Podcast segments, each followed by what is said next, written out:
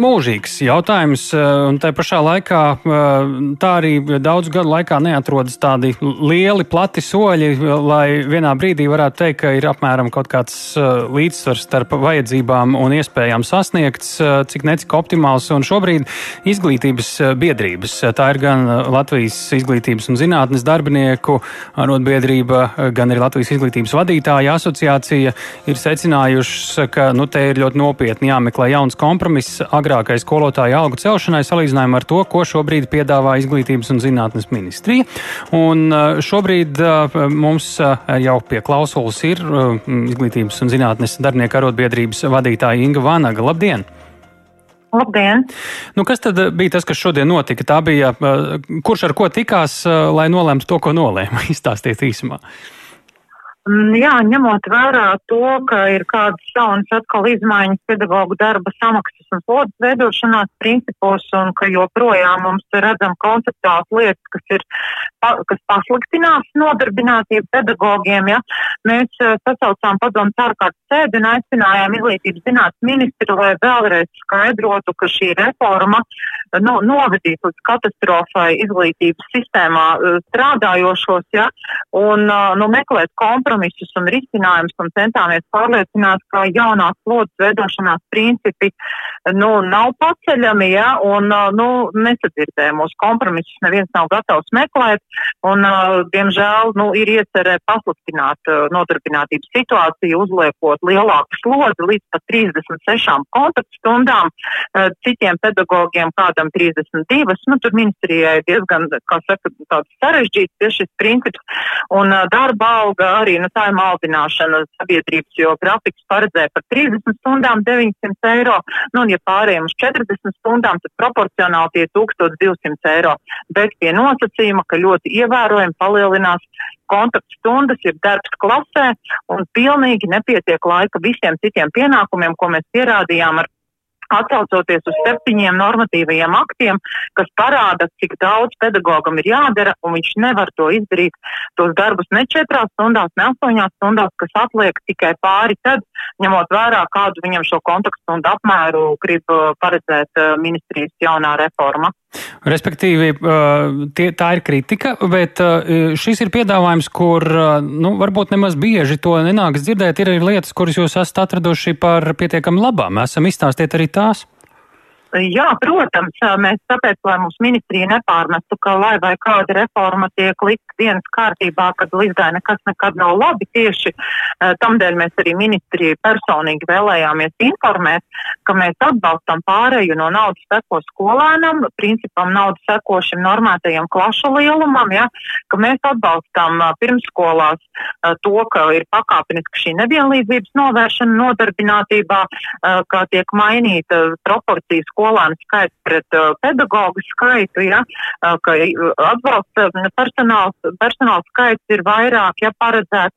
Uh, tāpēc, uh, nu jā, ir tādas lietas, ko mēs norādījām septiņi tādi būtiski, mūsuprāt, reformas elementi, gan, kas ir iekļauti un ko mēs, nu, atbalstām, ja, un, bet tā pašā laikā ir ļoti, ļoti konceptuāls lietas, ko mēs nekādā gadījumā nevaram atbalstīt, jo tas tiešām, nu, novedīs pie tā, ka nenāks jaunie pedagoģi strādāt, un šobrīd tie, kas strādā, nu, visticamāk, pārtrauks darba tiesiskās attiecības, ja kaut kas tāds tiks darīts. Nu, runājot ar ministriju, es pieļauju, jūs esat arī dzirdējuši argumentus, kāpēc jūsu redzējums nav pieņemams. Ko jūs tur saklausījāt? Tur nebija droši vien vienkārši, vienkārši nē. Uh, jā, tas, tas, ka tam ir fiskālā ietekme, tas ir viens no argumentiem, ko mēs saprotam, ja tā nauda būtu, tad, protams, to visu varētu savādāk risināt.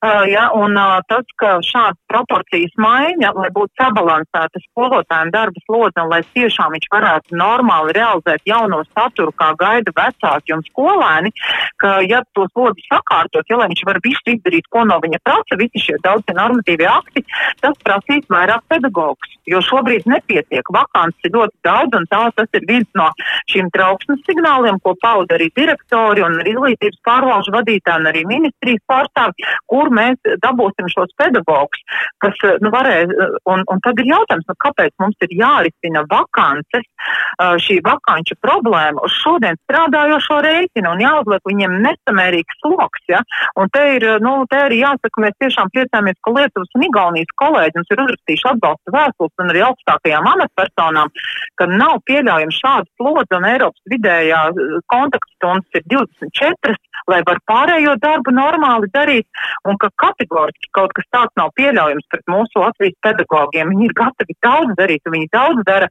bet slodzē ir jābūt sabalansētai un par visiem, par visiem darbiem ir no nu, arī jāatspūgļo slodzē un darba samaksā. Kādu jūs līdz ar to redzat to ceļu tālāk? Kāds, tas, uh, kāds būtu jūsu piedāvājums?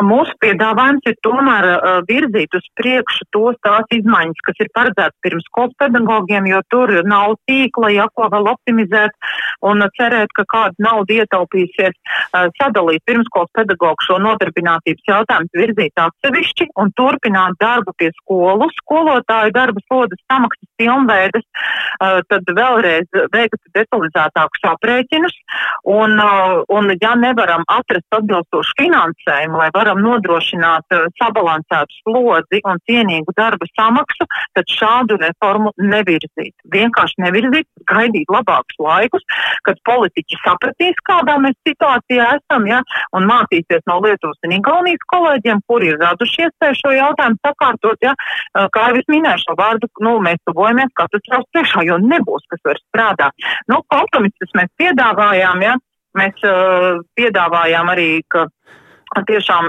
nu, nu, katrā ziņā kompromiss no mūsu puses bija, ja tos nesadzirdēs arī tuvāko nedēļu laikā, mēs aktīvi sekosim, nu, kādus dokumentus iesniegs ministrija valdībā, un padome lēma pieprasīt vēlreiz aprēķinus, dokumentāli pierādīt ļoti daudz informācijas, un mēs varam arī sēmas pārstāvjiem parādīt, kāda ir reālā situācija ar nozars -hmm. pārfinansēšanu un ar vakancēm.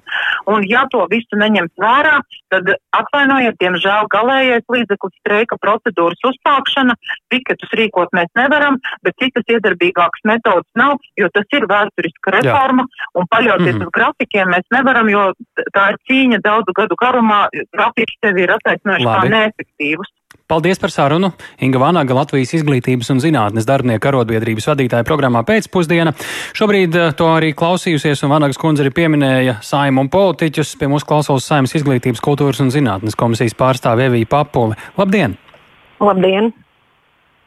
Un kā Labdien. jūs redzat, eh, kas, šo, kas šobrīd notiek ar, ar šo uh, procesu, uh, kurā pusē šobrīd jūsu ausīs izklausās vairāk loģikas un pamatojuma? Abās man vismaz izklausīja.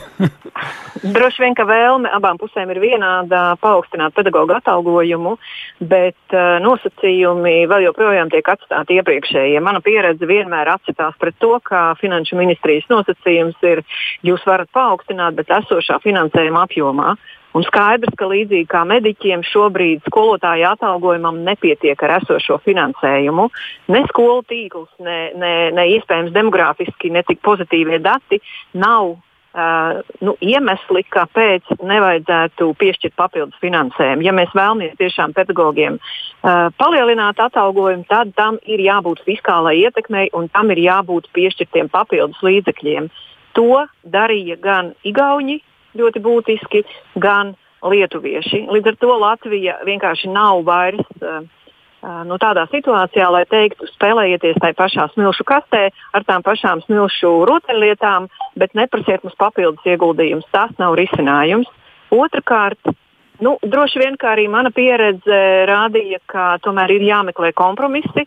Iespējams, ka šobrīd arī skatoties, kādā veidā bija sarunas starp arotbiedrību un, un, un ministri, nu, nav šī vēlme atrast kompromisu, nav šī vēlme turpināt sarunu un atrast, atrast tādu uh, izēju, kas apmierinātu pārējais, kaut vai pārējais posmā kādu daļu no jautājuma atrisināšanas. Un trešais, ko es gribu teikt, manuprāt, komisijā, arī komisijas vadītājs atsaucos uz viņa tekstu, varbūt citēšu ne pārāk precīzi, bet tomēr bērnu dārza sistēmā ir katastrofa. Līdz ar to ir pareizi sākt ar pirmskolas izglītību, tā patiešām ir atsevišķi, nu, atsevišķi finansējuma sistēma un patiešām pakāpeniski dot valsts nu, tādu finansējumu izlīdzinošai slodzei. Ja, ja cilvēks saprot, par ko es runāju, tad, tad izlīdzinošo finansējumu, sākt ar šo finansējumu un atbalstīt pirmskolas izglītības uh, pedagogus, plus papildus tālāk turpināt diskusijas par to, kāds izskatītos modelis, atalgojuma modelis.